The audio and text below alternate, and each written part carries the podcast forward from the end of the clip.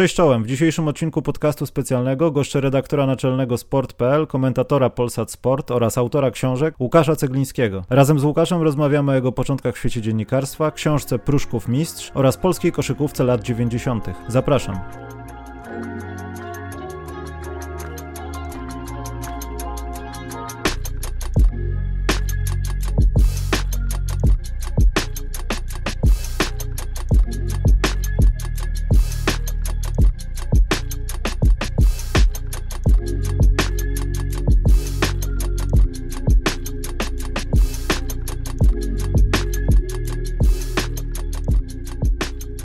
Cześć Łukasz, witam Cię w podcaście specjalnym. Cześć, dzień dobry.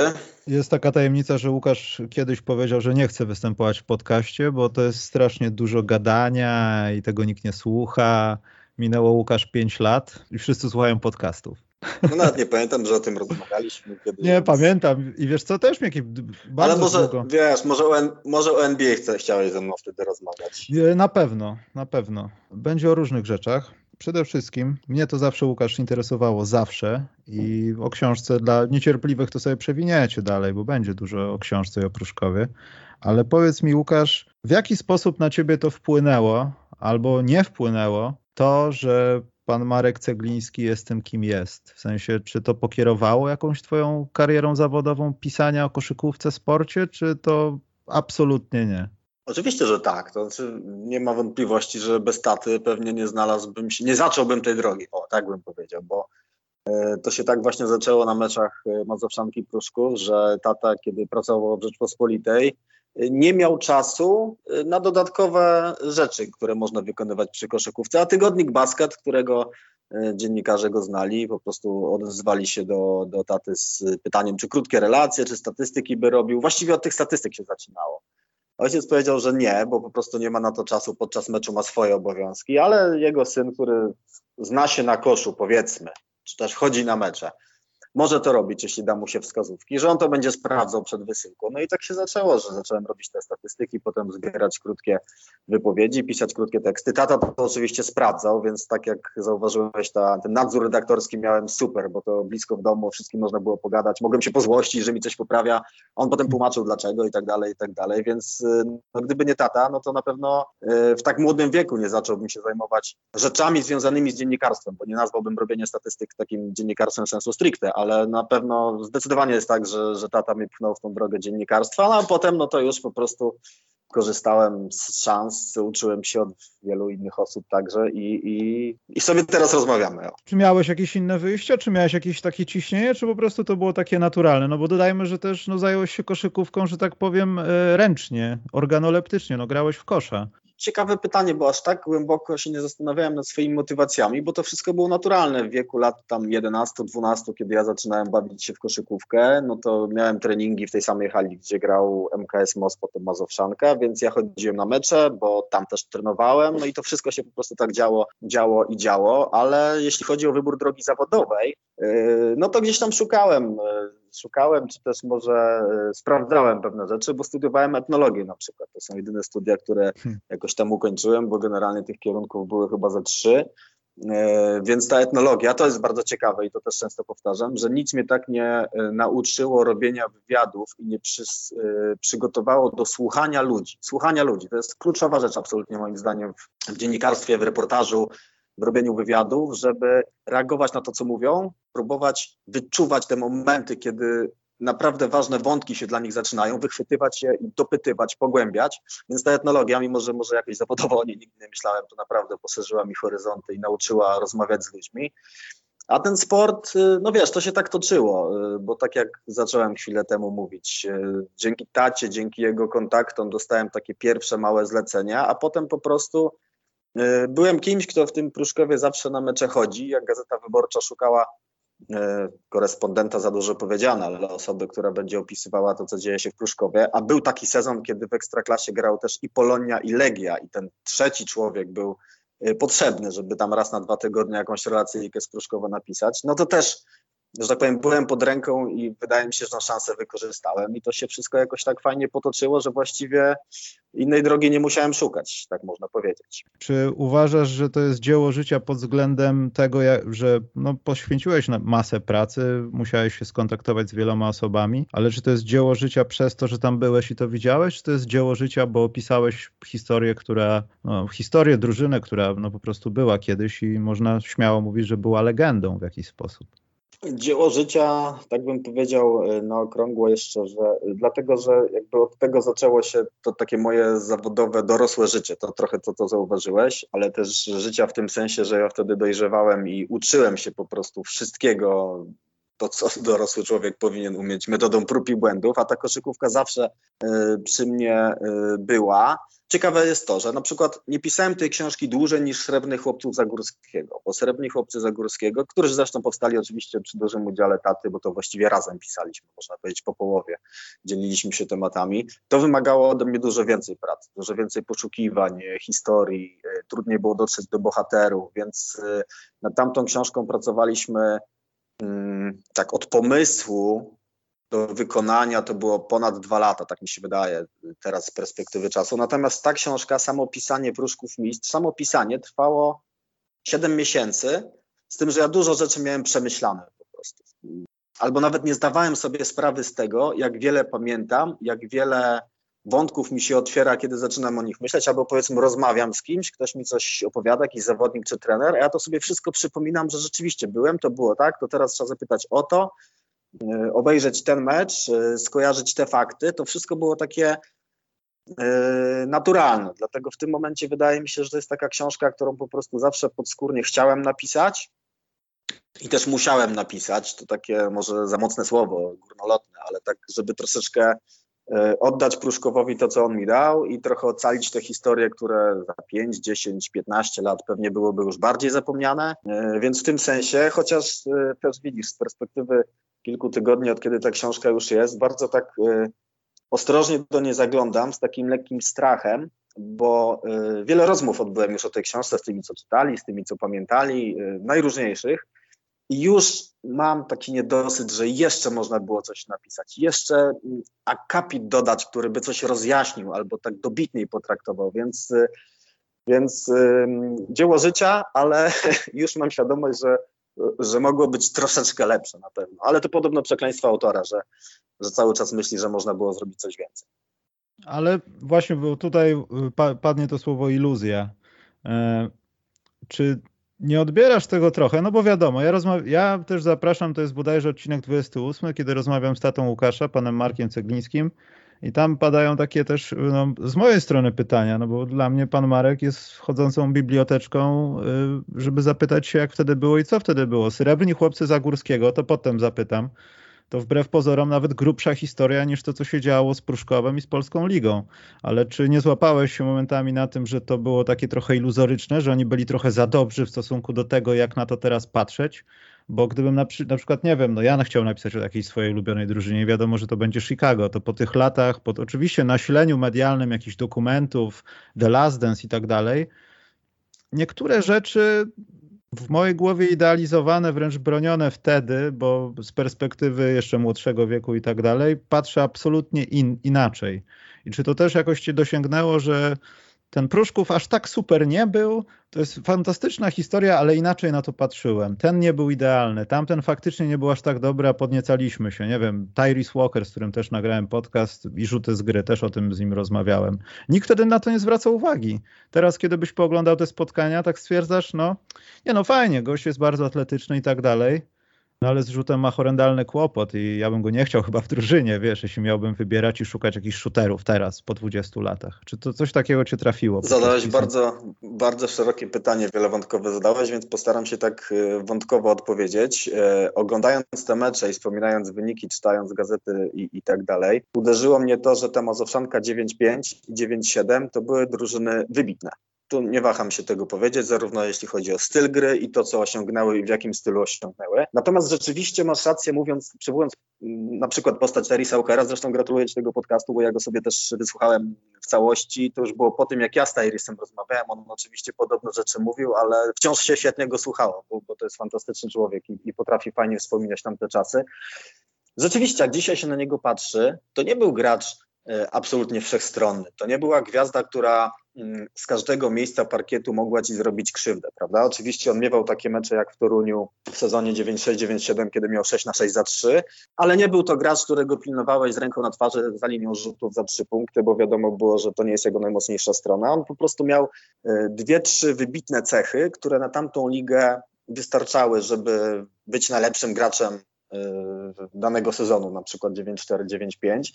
Natomiast to wszystko, wiesz, y, na Teresa można spojrzeć właśnie z dzisiejszej perspektywy i zobaczyć, jak niekompletny to był gracz, ale można też spojrzeć z ówczesnej perspektywy, w jakim stopniu przewyższał całą konkurencję, tak? Bo Y, bo tam nie było kompletnych graczy. Oczywiście no, Adam Wójcik, tak, którego wspominamy, y, Dominik Tomczyk wówczas zaczynający, ale na przykład taki Mariusz Bacik, też wówczas gwiazda, no też y, taki nietypowy, rozgrywający, próbowany jako rozgrywający wysoki gracz, który nie miał rzutu, no, no też jakby szukał swojego miejsca na boisku, więc jak Williamsa, Sobczyńskiego, Walkera, Wójcika, potem Maseja, Szybilskiego, jak i nawet Krzysztofa Dryje, w stosunku do ówczesnych środkowych. Jak porównujesz tamtych graczy, znaczy tych graczy, o których mówię, do ich rywali w latach 90., no to jednak oni byli wyjątkowi, łamane na znakomici albo unikalni, tak jak Dryjak, który oczywiście miał swoje braki, ale miał takie atuty, które w starciu na przykład, nie wiem, z Wiangowskim czy, czy mm, nawet Kordianem Korytkiem, który też był wówczas wyróżniającym się graczem, no to jednak Dryja tym swoim y, tym wyskokiem, możliwością dobijania piłek z powietrza, no w jakim stopniu ich przewyższał, deprymował może nawet, więc, y, więc y, tak bym odpowiedział na to pytanie, że oczywiście łapałem się na tym, że to nie, były, to nie byli gracze idealni, ale w tamtym kontekście lat 90., w tamtej drużynie, bo te drużyny były też świetnie dopasowane, tak właśnie pod względem umiejętności i charakterów, no to jednak byli wyjątkowi. Ale uważasz, że tamta liga lat 90. w porównaniu, ja nie mówię do, nie wiem, nawet tego sezonu, ale do, do dzisiejszych czasów, ostatnich, nie wiem, 5-10 e, lat, była wyjątkowa pod jakimś względem, czy po prostu byliśmy tak bardzo oczarowani NBA, że to się idealnie zgrało, wiesz, w niektórych miastach do Włocławka blisko jeździłeś, miałeś, może jakiś Amerykanin się pojawił, wsady, wiesz, no patrząc na Zielińskiego, to wiało trochę Ameryką. Była wyjątkowa, dlatego że była y, pierwszą z polskich lig w sportach zespołowych, która właśnie tak szeroko otworzyła się na świat, w domyśle na Amerykę, na USA. Y, I, I, była takim absolutnie powiewiem czegoś nowego i świeżego. Nie da się wypreparować jakby myślenia o, o lidze, o ekstraklasie koszyczkarzy w latach 90. od całego, od całej otoczki i całego kontekstu. Tego, że NBA zyskiwało popularność, no bo po prostu mieliśmy taki, mm, taki dopalacz, prawda? Wszyscy wiedzieli, że ta koszykówka z oceanu jest rewelacyjna, a tutaj nagle miałeś tych graczy z oceanu, więc yy, pytanie, czy gdyby nie było NBA i takiej zajawki na kosza właśnie amerykańskiego, czy ten polski basket yy, byłby aż tak popularny? Druga rzecz, nie było konkurencji, prawda? Siatku, o siatkówce nikt nie mówił, o piłce ręcznej też nie. Polscy piłkarze nie grali ani na żadnym euro, ale nie mistrzostwach świata, przepadali w eliminacjach, nie było tu jakichś pozytywnych emocji. Telewizja była, była oczywiście jedynka, dwójka, zaczynał Polsat, ale też nie było konkurencji na rynku praw y, telewizyjnych, na generalnie rynku medialnym. W związku z czym, jak ktoś pokazywał koszykówkę, tak jak y, 95 roku jeszcze Polsat, a od 95 już jedynka, no to właściwie docierałeś do wszędzie. Nie było konkurencji, nie było tak, że a, na jedynce jest koszykówka, to ja sobie przełączę tam na, nie wiem, Kanal Plus Sport, albo na Polsat Sport, albo na y, kolejne kanały sportowe i wybiorę sobie coś, co mnie interesuje. No nie, no, była jedynka, dwójka i to ona pokazywała koszykówkę, więc to zainteresowanie ligą też y, było większe, więc powtórzę, ona była wyjątkowa, bo była czymś nowym, nowym zjawiskiem w ogóle w polskim sporcie. Natomiast nie mam żadnych wątpliwości, że dzisiejsze zespoły środka tabeli to by po prostu lały tych potentatów z tamtych lat y, jak chciały. Poziom organizacji obrony przede wszystkim, y, fizyczności. Zresztą moglibyśmy o wszystkim mówić, zamknijmy to w dwóch zdaniach. Tamci mistrzowie nie mieliby teraz szans. Ale wiesz, taki Wojciech Królik, gdyby dostał więcej podań za trzy punkty i miał absolutną wolność rzucania, ten niepozorny pan z wąsem, myślę, że chociaż fizycznie pewnie w dzisiejszej koszykówce absolutnie by sobie nie poradził. No, ale to powiedz mi, kogo by wybronił Wojciech Królik. No nie, no miałem, zada- miałem właśnie nadzieję, że nie będziesz zadawał tego pytania, tylko tak sobie na wolno myślę, wiesz, bo Wojciech Królik wtedy robił wiatrak w mózgu, jak patrzyłeś na to. Po pierwsze patrzyłeś, co to za dziwny pan, on tutaj jest chyba od ręczników, czy... i nagle trzy trujeczki, ten dziwny, zgarbiony pan z wąsem nagle zaczyna ustawiać sobie mecz i nawet nie wiesz, kiedy to się stało, on się do ciebie uśmiecha i jest po wszystkim. Moje drugie takie pytanie dotyczące twoich książek, no bo powiedziałeś, że z tatą wspólnie zrobiliście, napisaliście przedstawiliście Srebrnych Chłopców Zagórskiego, co ja myślałem, że dużo wiem o koszykówce. Może nie do końca polskie, kiedy były pierwsze jakieś, nie wiem, polskie kadry i tak dalej, ale ta cała historia, już pomijam to, że ocieranie się o elitę w ogóle światową w koszykówce, ale ta cała sytuacja z zarazą, że tak to ujmę, to jest tak gruba historia, że powstają dwa pytania i powiedz mi Łukasz, dlaczego tak jest? E, dlaczego ludzie o tym nie wiedzą i dlaczego my, ja tutaj też, no wiem, że może tobie nie wypada jako przedstawicielowi mediów powiedzieć, no ale dlaczego tak jest, że my się tym nie chwalimy jako związek, że my nie kultywujemy tej historii, bo tak jak powiedziałeś, mieliśmy wtedy świetnych zawodników, wymieniałeś cały ciąg nazwisk, którzy byli wtedy no, naszą, naszym pierwszym garniturem, już kadry i tak dalej. Dzisiaj troszeczkę ich brakuje i mam wrażenie, że przez ten cały boom koszykarski więcej osób uczyło się tej koszykówki, sięgało po tą koszykówkę i było po prostu z czego wybierać tych talentów. Dlaczego teraz jest tak, że my nie chcemy wracać na przykład y, do srebrnych chłopców Zagórskiego? Ja nie wyobrażam sobie, żeby, no nie chcę powiedzieć w Stanach, no ale nie powstał dokument na temat takiej drużyny, żeby o tym głośno nie mówiono.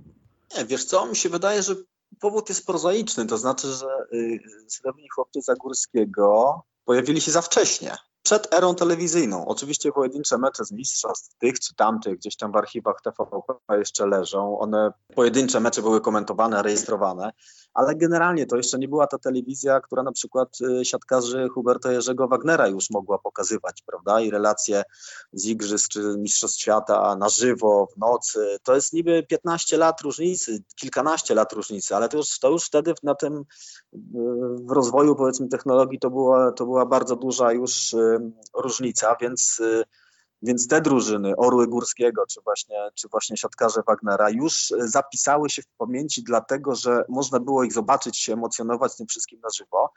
A po drugie, one zdobywały medale na igrzyskach. W Polsce igrzyska, oczywiście Mistrzostwa Świata też, ale igrzyska są takim, e, takim e, największym punktem sportu, największym splendorem. I proszę zauważyć, zobacz, że i siatkarze w latach 70., i piłkarze nożni, i piłkarze ręczni nawet też, też mieli bardzo dobre występy na igrzyskach. Koszykarze na tych igrzyskach zatrzymali się w 72 roku. Potem był ten 80, ale wiadomo, że to były kulowe, kulawe igrzyska mimo wszystko. Więc moim zdaniem 15 lat wcześniej, bez telewizji i bez spektakularnego sukcesu na igrzyskach, bo oczywiście my w koszykówce się cieszymy mistrzostwami świata w Urugwaju w 67 roku i piątym miejscem, prawda? To było coś wielkiego. Znaczy dla nas to jest coś wielkiego, bo to jest coś największego, ale w porównaniu do piłki nożnej, siatkówki, piłki ręcznej, to wcale nie było już największe, więc E, takie czynniki bym podał obiektywne, powiedziałbym, jeśli chodzi o e, odpowiedź na pytanie, dlaczego ci chłopcy Zagórskiego nie byli i nie są tak znani, popularni. A jeśli chodzi o, o teraz, do, o wracanie do historii, Słuchaj, nie każdy jest na tyle wielkim fanem danej dyscypliny czy sportu, żeby czytać o historii, o takiej czarno-białej, wyblakłej już historii, niezależnie od tego, jak, jak, y, jak barwna ona była w rzeczywistości, prawda? Więc y, ja bym się nie obrażał na to, że ludzi po prostu historia interesuje mniej. To jest grupa Zajowkowiczów, y, ja do niej należę, ja to bardzo lubię. Tak mi się wydaje, że może, może trochę za dużo oczekujemy. Wiesz, to też już są czasy, gdzie, gdzie po prostu no, duża część trenerów, koszykarzy z tamtego okresu już nie nie żyje, prawda? Więc, więc też jakby ciężko, trudniej to przypominać, e, pokazywać ich. E, na Mistrzostwach Europy w 2009 roku podczas Eurobasketu Witold Zagórski został zaproszony przez PZ Kosz na ten turniej. Była wystawa zdjęć niedaleko spotka, niedaleko hali. I Przepraszam Łukasz, mnie potem... pan Witold dodał na Facebooku, prawdopodobnie to ktoś z rodziny założył mu profil. Dwukrotnie za, jeszcze za jego życia wtedy dostałem życzenia urodzinowe. Ja nie wiedziałem, gdzie jestem momentami. Ja dowiedziałem Pan się, że... Zagórski Facebooka sam obsługiwał, sam oglądał, wszystkim się to. Dostałem tak zawału w tym momencie, bo myślałem, że ktoś mu pomaga, jeśli robił to sam, to umarłem nie, teraz. Nie, to był niesamowity człowiek, po prostu i on y, co mógł, to robił, żeby utrzymywać kontakt właśnie ze swoją drużyną byłą, czy też drużynami, bo przecież przez kilkanaście lat można powiedzieć, że miał kilka drużyn. Także, także no to prawda. Znaczy, jeśli dostałeś życzenia od pana Witolda Zagórskiego, to Na ukłony, Facebooku to... i nie wiedziałem, gdzie jestem. Naprawdę, momentami traciłem oddech, bo to jest niemożliwe. To jest Red Auerbach, polski Red Auerbach, gość, który po prostu, no nie oszukujmy się, w Warszawie się lał z Billem Russellem w koszykówkę mężczyzn i tam ci mieli kłopoty. Ładnie powiedziane, Red Auerbach polskiego basketu. To Kłyszejko jest takim No to okej, okay, to Zagórski Auerbachem. To może I wiesz, i wiedząc o tym, że w Stanach kultywuje się tą historię i to też nie jest odgrzewanie takich kolokwialnie mówiąc trupów, tylko Bill Russell to był Bill Russell. I jeśli się mówi o tym, że chłopcy w przerwie w szatni naprawdę byli wstrząśnięci grą naszych, e, no to o czym świadczy, więc jednocześnie jeśli obserwujemy, i tutaj przechodzę już płynnie do, do tego, co jest teraz z polską kadrą, bo chciałem cię o to zapytać i w ogóle o polski basket teraz, w sensie taki perspektywiczno-młodzieżowe. Wiem, tutaj teraz będzie salwa śmiechu. Ale no to budowanie od podstaw to jest chyba jedyną nadzieją, żeby pokazywać, że w tym sporcie można coś osiągnąć. Mamy legendy, mamy takich, a nie innych zawodników. E, pan Młynarski pewnie by nie ogarnął w dzisiejszej koszykówce nic, ale trzeba mówić o takich ludziach. I uważam, że to za szybko u nas przeszła jakaś taka dziwna przemiana, że ten sport i tak był niszowy, ale zarabiajmy na nim pieniądze, bo związek ma deficyty, co za tym idzie w kadrze, trzeba też coś zrobić. Jak chodzisz na mecze Legii albo na mecze kadry, to na koniec dnia e, to jest źle i bardzo dobrze. Łukasz Koszarek ratuje wszystkich, a Łukasz jest już w naszym wieku, że tak powiem. To jest temat w ogóle na osobny podcast, więc możemy się umówić o tym pogadać, ale odnoszę się do tej historii, bo o tym mnie zahaczasz. Ja, ja, ja bym ci odpowiedział tak. Jak ja zaczynałem bawić się basket w tym powiedzmy 92, 3, 4 roku, to nie sądzę, żeby moje, mm, mój punkt widzenia na koszykówkę, na trenowanie, na poważne pochodzenie, pochodzenie do sportu i na marzenia y, zmieniały cokolwiek opowieści o latach 60., 70. Dla mnie wtedy idolami byli Williams, Walker, Wójcik, Sobczyński. Ich chciałem oglądać. Oni wytyczali ścieżki, ich obserwowałem na treningach. Myślę, że na młodych ludzi historia nie działa. Żeby interesować się historią, y, składać pewne fakty do kupy, wyciągać wnioski, zauważać prawidłowości albo po prostu delektować się historią, tak jak ja na przykład to robię, bo lubię poznawać historię sportu i koszykówki, trzeba do pewnego wieku dorosnąć. I, i, i dla mnie to jest oczywiste. Ja tutaj historia y, nie chcę powiedzieć, że nie jest ważna, tylko że nie jest istotna, jeśli mówimy o wychowaniu młodych, dobrych polskich koszykarzy, bo to czy Jeremy Sochan wie, kto to jest Witold Zagórski, czy nie wiem, czy Marcin Gortat wiedział, kto to jest Witold Zagórski, to moim zdaniem nie ma żadnego znaczenia. Tu się liczy praca, plan, odpowiednie inwestycje w potencjał, dawanie szans i tak dalej, i tak dalej. Ale mówię, to jest y, temat na inny podcast, bo ty mnie tutaj Pruszkowem zbawiłaś, a chcesz ze mną poruszyć każdy strukturalny problem polskiego basketu. Bo znowu wrażenie. powiesz, że nie będziesz chciał nagrywać podcastów, wiesz, ja się i tak śpieszę jak mogę, bo umówiliśmy się na określony czas. To w takim układzie to co teraz? Igor Milicic, Kardra Polski, czy, czy my, my jakoś... Oczywiście nie ma najlepszych zawodników, nie możemy pluć w zupę, że, że jest bardzo niedobrze, bo wszyscy przyjechali, no po prostu tak wyglądają te okienka, no, że nie mamy tych graczy, ale jednocześnie zaszła ta zmiana, Mike Taylor był był z nami kupę czasu. Mieliśmy dużo z dobrych, złych wspomnień, ale suma summarum gdzieś byliśmy. Jesteśmy w stanie w minimum to powtórzyć z Igorem Miliciciem, który jest klubowym świetnym trenerem, ale kadrowym zobaczymy, jakim będzie, jak przyjadą prawdziwi zawodnicy. Ale czy jest w stanie to zrobić? Słuchaj, e, jakby tak sprowadzić to wszystko do meritum i faktów, to co to znaczy powtórzyć to, co było z Mike'em Taylorem? E, zagrać na Mistrzostwach Świata i wygrać tam cztery mecze, a poza tym e, na trzech Eurobasketach dwa razy wyjść z grupy i odpaść w pierwszej rundzie, tak, jeśli dobrze liczę. Więc czy Igor Milicic we wrześniu na Mistrzostwach Europy, gdzie my gramy w Pradze, jest w stanie z takim składem wygrać e, dwa albo trzy mecze w grupie i wyjść z grupy, tak? No bo to są te powiedzmy mm, rzeczy, które kadra Majka Taylora robiła na Eurobaskecie.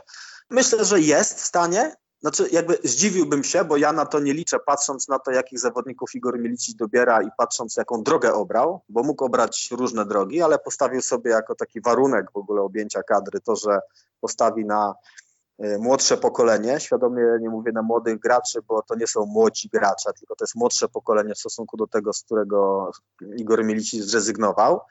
Natomiast e, ja bym powiedział tak, że ja generalnie w perspektywie pięciu, siedmiu lat, bo mówimy 2027, tak, 2000 29. Jakby ja nie widzę polskiej reprezentacji, która regularnie gra w ćwierćfinałach e, światowych imprez. Ja myślę, że jesteśmy europejskim średniakiem, który gdzieś tam na miejscach 13, e, 20 waha się w zależności od turnieju i tego, co, co akurat e, mają rywale, czy mamy my.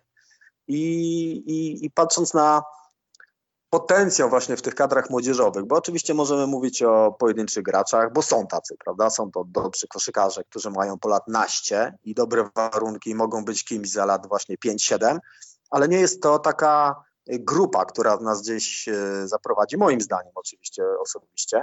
E, w 2010 roku, jak mieliśmy tych 17-latków, no to nam się wydawało, że ta drużyna może nie na zasadzie piłkarskiej reprezentacji z Barcelony, zmieniamy szyld i jedziemy dalej, ale że kilku graczy z tej kadry jest na stanie wprowadzić na e, wyższy poziom. No i tych kilku graczy oczywiście mieliśmy, Ponitka, Michalak, Gielo, Karnowski w różnych fazach, w różnych rolach. Natomiast jeśli przypomnimy sobie, że w 2009 roku na Eurobaskecie graliśmy dość równe mecze ze Słowenią, z Serbią, które potem grały w czwórce, E, no to przenosząc się 10 e, lat do przodu, czy tam 8 lat do przodu, 2017 rok, już właśnie ci gracze typu Ponitka, Gielo, Karnowski, ich pokolenie stanowi o sile kadry, zostało ich raptem kilku, to w gruncie rzeczy jesteśmy w tym samym miejscu, prawda? Bo w Finlandii w 2017 roku nie wychodzimy z grupy, inny system rozgrywek był, więc nie porównuję jeden do jednego do 2009, ale generalnie wydawało nam się, że mamy super pokolenie, choć to był właściwie jeden rocznik, może jeden i, i półtora rocznika, a jesteśmy w tym samym miejscu. Taki mamy potencjał koszykarski moim zdaniem w tym momencie. Ja y, nie oczekuję wielkich rzeczy, nie spodziewam się wielkich rzeczy. Y, chciałbym natomiast, żebyśmy y, wychodzili z grupy, awansowali na największe imprezy wychodząc z eliminacji. Tak jak na Eurobasket to robimy ostatnio regularnie, tak jak się udało na Mistrzostwa Świata, aczkolwiek po tych dwóch porażkach uważam, że no, awans na Mistrzostwa Świata wygląda teraz bardzo, bardzo odlegle. No, to delikatnie powiedziałeś. Natomiast jeszcze taki ogonek bym uczepił. Czy widzisz gdzieś yy, ewidentne pole do wypełnienia takiej luki, żebyśmy przynajmniej coś poprawili e, w sferze posiadania młodych talentów, czy musimy już z tym żyć po prostu, że no tak jest, niektórzy mają taką genetykę, niektórzy mają rocznik jak 2010, gdzie w zasadzie potem może, może mogłoby być lepiej, gdyby ktoś ich lepiej poprowadził? Mówię tu o jakichś tam jednostkach konkretnych. To jest tak, że wielowymiarowo można to spojrzeć od samej podstawy, czyli kto obecnie zaczyna grać w koszykówkę. Ja tu w Pruszkowie sobie chodzę często na mecze MKS Pruszków, tam dzieciaki grają no, różnie, czasami patrzę na młodzików, czasami na kadetów, czasami na juniorów. Bardzo wielu tych dzieciaków to są y, dzieci, y, ludzi, mężczyzn, kobiet, które grały kiedyś w koszykówkę. Większość dzieciaków idzie grać w piłkę nożną. Mój syn na przykład y, gra w piłkę nożną w jakiejś tam najmłodszych rocznikach, bo po prostu już są w tym wieku, tak? To znaczy on jakby chciał grać w koszykówkę, to oczywiście może już tutaj w okolicy, ale w piłce nożnej jest liga, już są stroje, turnieje halowe, ich to nakręca, oni sobie w to grają. Potem jest siatkówka, y, gdzie też y, wiele dzieciaków, szczególnie tych właśnie wyższych, już takich uzdolnionych powiedzmy ruchowo mam wrażenie, garnie się do siatkówki, no bo w siatkówce mamy sukcesy i klubowe, i reprezentacyjne. No i potem właśnie jest ta koszykówka, gdzie grają dzieci tych, którzy kiedyś w basket grali, więc już na to sito na początku, moim zdaniem, ale jak się porozmawia z młodzieżowymi trenerami, to to się od kilku lat pojawia taki, taki temat, yy, że mm, większość dzieciaków idzie do innych sportów, tak? Czyli my tą podstawę piramidy już mamy najmniejszą. A potem jest to, co mówił Igor Milicic w wywiadzie który robiłem z nim przed eliminacjami. Ja się z tym zgadzam, bo to nie jest nic odkrywczego, ale tak po prostu jest, że na poziomie rozgrywek młodzieżowych nie potrafimy, trenerzy nie potrafią wyselekcjonować gości z największym potencjałem i skupić się na pracy z nimi, pracy technicznej, pracy oszczędnej, fizycznej, ale już rozwijającej ciało i pracy taktycznej, tak żeby oni byli gotowi przy przechodzeniu z wieku juniora do seniora już na, na, na to, żeby grać, a nie asystować na treningu.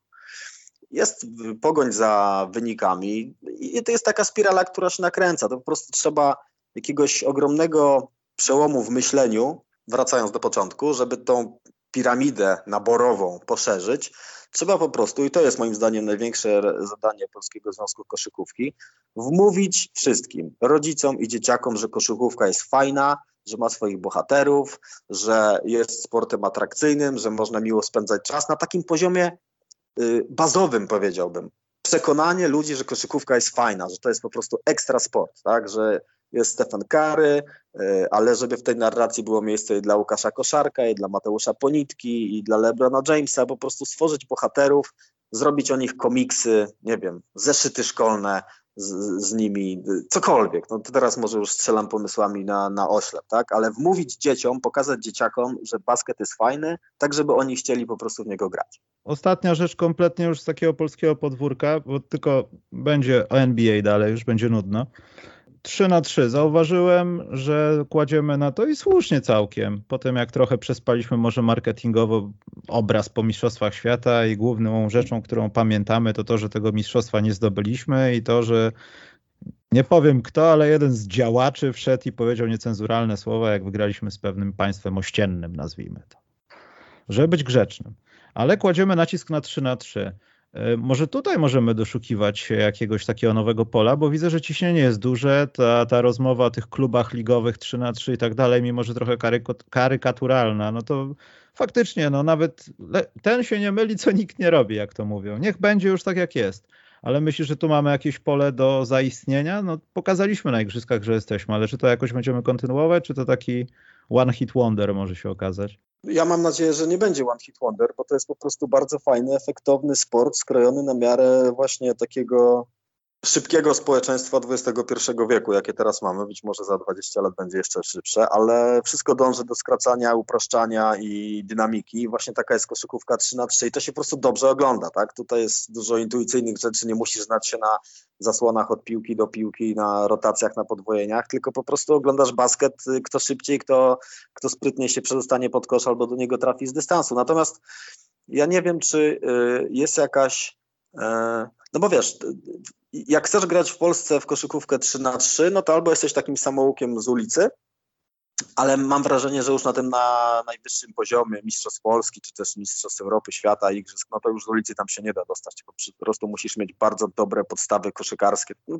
tak jak Przemek Zamojski, tak, to, to, to mm. jest to jest yy, jego przykładem się po, posługujmy po prostu. To jest gość, który zna basket na wylot i wie jak, yy, wie jak ten spryt i doświadczenie w 3 na 3 wykorzystać, więc yy, pytanie, czy popularność 3 na 3 i na przykład medale na kolejnych mistrzostwach Europy, świata, czy też igrzyskach w Paryżu, jeśli, jeśli byłaby na to szansa, y, będą się przekładały na y, na to, że dzieciaki po prostu będą chciały grać w basket, no i właśnie co, będą szukać klubów 3 na 3 czy jak się zorientują, że w okolicy nie ma żadnego, no to będą się zapisywać na 5 na 5 i trochę inne granie niż oglądały w telewizji. Nie wiem tego, nie podejmuję się zgadywać, bo to jest y, ta sama dyscyplina, ale inne konkurencje.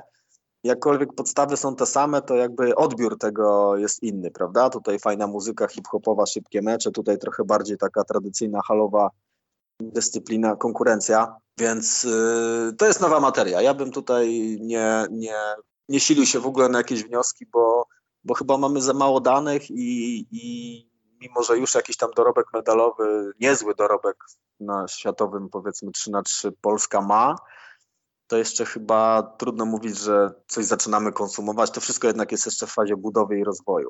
Tylko jest jedna rzecz i to już nie pamiętam, może z Arkiem Kobusem o tym rozmawiałem y, przy jakimś nagraniu że tak naprawdę my możemy być coraz lepsi, ściągać jak najlepszych zawodników, takich parować, żeby ta trójka, w zasadzie czwórka graczy no była jak, jak palce jednej dłoni, żeby wszystko było łącznie z chemią w tej drużynie i tak dalej. Zapewnić odpowiedni sztab trenerski, bo z tym to różnie bywało. No, nie, nieważne. Chodzi tu o coś innego, że jeśli nie będziemy robili pracy jakiejś, a to domyślam się, że taki jest zamiar powstania tych lig, żeby była jakaś praca, żeby jakoś to usystematyzować, nie wiem, polepszyć rekrutację, wybierać naprawdę creme de la creme naszego 3 na 3 to... Znaczy te ligi, o których mówisz, to ich założenie jest takie, żeby po prostu trener kadr, czy trenerzy kadr, czy młodzieżowych, czy seniorskich mieli lepszy przegląd, tak? Żeby po prostu mogli Dokładnie, zobaczyć większą mówię, liczbę tak. graczy w warunkach grania 3 na 3. Tak, mhm. tak. Nie ma to nic wspólnego, nie wiem, ze szkoleniem sensu stricte, no bo przecież ci goście raczej e, nie będą, przed, nie, znaczy nie wyobrażam sobie, że, że nie wiem, trener Milicic w Ostrowie będzie robił, słuchajcie, bo my za dwa tygodnie mamy turniej, to teraz od dzisiaj gramy 3 na 3. No tego raczej nie będzie, prawda? Dwutak lewą więc, teraz, dwutak lewą. Więc ci gracze z 5 na 5 wyselekcjonowani, nie mam pojęcia kto to będzie, czy to juniorzy z końca ławki, czy, czy jakiś poważniejsi gracze z rotacji. Oni po prostu się zaprezentują i albo sami zobaczą, czy to jest fajne, odpowiada im, jak się w tym znajdują, Albo z drugiej strony selekcjoner, trenerzy będą mogli powiedzieć, słuchaj, i, i ich zachęcić, tak, zobaczyć, że ktoś pasuje rozumieniem gry, stylem czy sposobem rozgrywania akcji i mówi, słuchaj, a może ty byś spróbował, tak? No i, i tu zawsze będzie, i to jest dobre, że zawsze będzie już ten przykład Przemka Zamojskiego, który jakby zmienił konkurencję i z tego, co z nim ostatnio rozmawiałem, bardzo sobie to chwali, więc ta, ta ścieżka jeszcze wąska, ale już jest trochę przetarta. To też, no nie wiem, taki ostatni przykład yy, ze Słupska, no Zniczanin, znaczy może nie Zniczanin, no, ale zawodnik Znicza kiedyś, Kordalski. Nie no, polonista przede wszystkim. Polonista, tak. Adrian ale... Kordalski, jak chodziłem na Polonię jeszcze na dawnych czasach, na tą drugą ligę, czy tam trzecią, już nie pamiętam, to po prostu to jest niesamowity gracz. Y, zobaczyłem go jak tam miał, nie wiem, 15, 16, 17 lat i po prostu od razu mi się podobał, tak? No, y, odbija się teraz od ekstraklasy, ale, ale zawsze miał to coś. I... Ale właśnie o tym mówię, teraz to no wiadomo, no sytuacja jest jaka jest, gramy Amery Ameryką, że tak powiem i to bardzo na bogato i nie mamy minut dla wszystkich, bo trochę się boimy, trochę nie jesteśmy pewni, wolimy przeznaczyć te minuty na kogoś innego. Ja to wszystko rozumiem. To jest konkurencja, biznes, liga i tak dalej. Ale w takich warunkach on by nie musiał odchodzić z klubu, tylko ewentualnie by poszedł tam, bo akurat tam jest dla niego miejsce, może to byłaby jego gra. To tylko taki przykład, który prawdę, prawdopodobnie może nie być prawdziwy.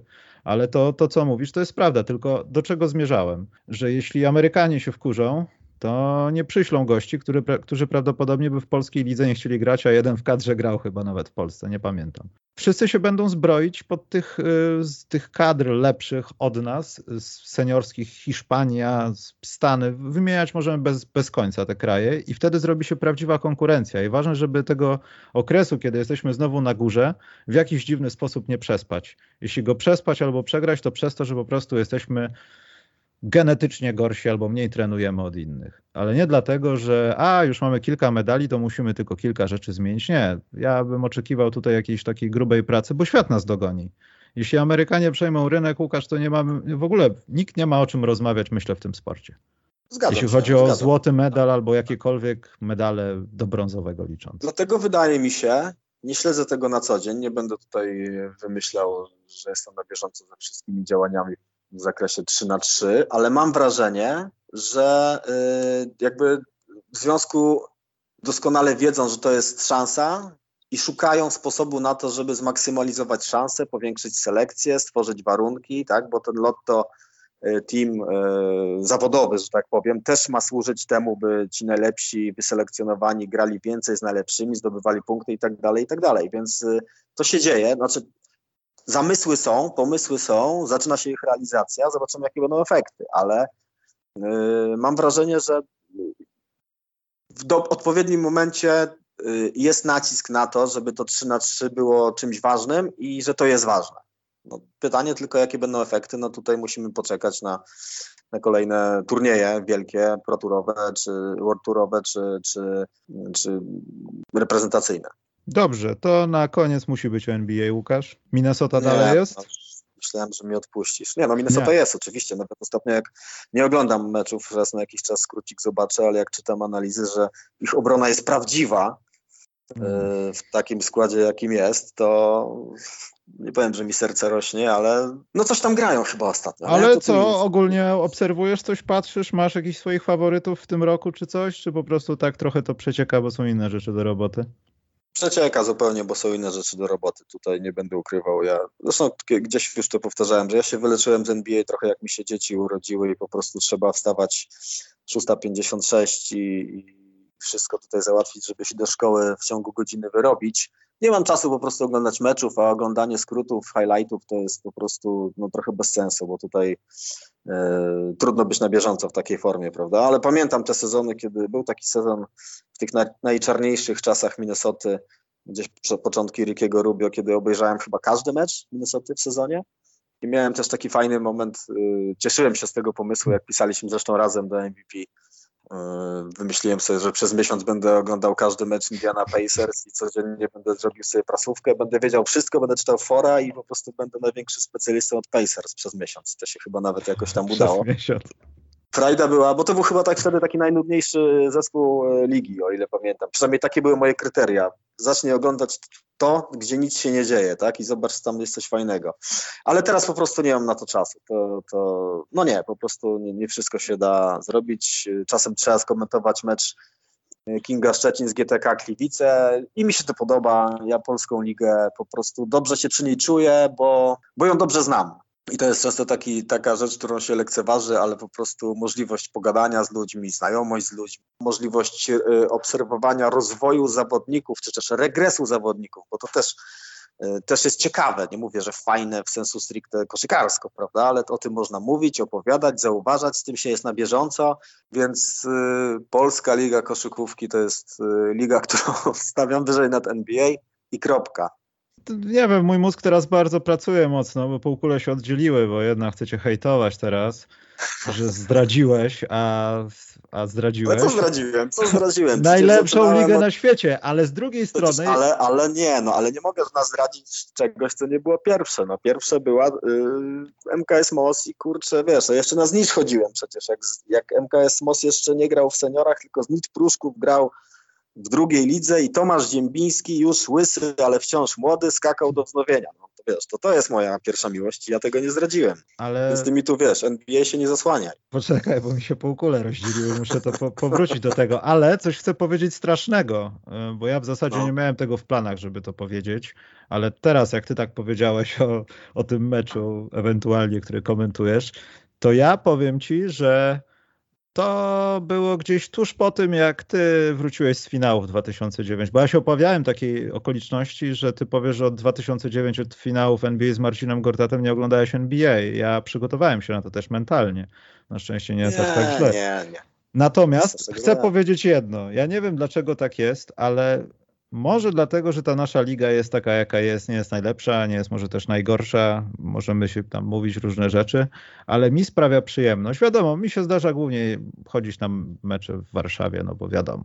Ale byłem też na kilku innych obiektach. Może nie tyle, co lubię kameralność tego, co uwielbiam obserwować to jakoś to tak z bliska, bo to już nawet nie chodzi o różnicę poziomów, ale ogólnie z punktu widzenia postrzegania koszykówki można wiele rzeczy zobaczyć, nauczyć się, nawet się pośmiać z niektórych rzeczy albo dowiedzieć się o kilku rzeczach, o których się nie miało pojęcia. I tak jak mówisz, to potrafi być ciekawe. To, że grają dwie słabe drużyny, które w NBA prawdopodobnie nie rozdawałyby nawet ręczników, ale jedna jest minus jeden, a była plus dziesięć i oni grają końcówkę. Ja zacząłem to rozumieć i przestałem to kompletnie deprecjonować kilka lat temu, jak już nawet gdzieś w pierwszej lidze zdarzało mi się pomagać i popatrzeć na to i to jest prawdziwy basket. Tam nawet nie ma pieniędzy, nie ma tych walorów, które cię zachęcają do tego, żeby być super gwiazdą i mieć góra darmowego kebaba na mieście.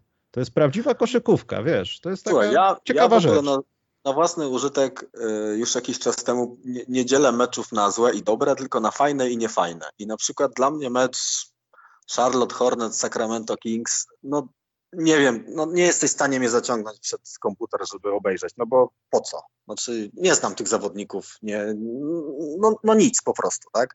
A mecz e, Kinga z GTK, który jutro, nie ma znaczenia kiedy, bo i tak ten podcast mnie leci na żywo, który będę komentował. To jest okazja, żeby pogadać z Robertem Witką, który jest świetnym rozmówcą, z Arkadiuszem Miłoszewskim tak samo.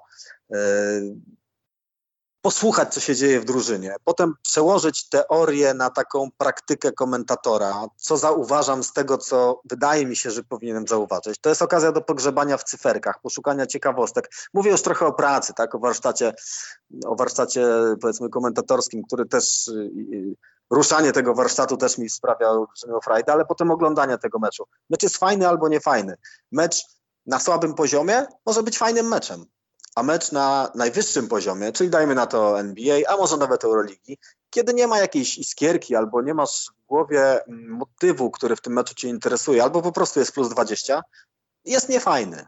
Więc dla mnie mecze są fajne i niefajne, a ja tą fajność w Polsce znajduję na każdym poziomie. I patrz, zatoczyliśmy koło, bo w zasadzie robisz to, to czego zacząłeś, jak opowiadałeś na początku. Też zbierasz cyferki, też coś tam skomentujesz i robisz dalej to samo, Łukasz. Dokładnie, stoję w miejscu. No. no, ja, ja, bym, ja bym sobie też życzył takiego stania w miejscu, panie, panie naczelny. Łukasz, bardzo Ci dziękuję za podcast. Mam nadzieję, że się nie zraziłeś, że pogadamy o tych kwestiach na osobny podcast w najbliższej przyszłości i mam to na taśmie, Łukasz, także mam nadzieję, że wszystko dobrze. Dziękuję bardzo. Nie zraziłem się niczym, tylko się zraziłem, że tak mało mnie pytałeś o Pruszku, bo kurde, ja mógłbym o tym gadać podcastami, godzinami i dniami, ale oczywiście rozumiem. Ale zaraz, zaraz, zaraz. Ja po co wydałeś książkę, ale... na której musisz zbić fortunę, żeby napisać dwójkę, żeby wszystko powiedzieć w tym podcaście? Nie, Łukasz, marketing to podcast specjalny, Nie, bo ja radzi. W każdym razie dziękuję Ci bardzo za zaproszenie. Parę tam słów o Pruszkowie padło, także jest mi bardzo miło, że pogadaliśmy o wszystkim, a jak tylko mogę dodać, że y, wydawnictwo SQN mi mówił, że Pruszków mistrz jest w tym momencie nad ostatnim sezonem Phila Jacksona, to się bardzo cieszę. I jeśli mogę za Twoim pośrednictwem zachęcić wszystkich do czytania, to, to zachęcam, bo Większość ludzi, która czytała i się do mnie wraca, mówi, że jest fajne, także to jest w ogóle dla autora najlepsza, najlepsza rzecz. Ja jeszcze nie czytałem sobie jej, tak sobie ostrożnie zaglądam czasem dwie strony, czasem trzy, żeby nie znaleźć fragmentu, z którego jestem niezadowolony, ale czytelnicy są zadowoleni, więc wszystkich bardzo serdecznie zapraszam do księgarni Labotiga. I jeśli wam się ta historia nie spodoba, to przerzućcie się na pływanie synchroniczne, bo w takim układzie nie doceniacie polskiego basketu i w ogóle basketu. Ty to powiedziałeś, więc zostawiam was z myślą autora. Dzięki Łukasz jeszcze raz, trzymaj się. Dziękuję bardzo, cześć, hej.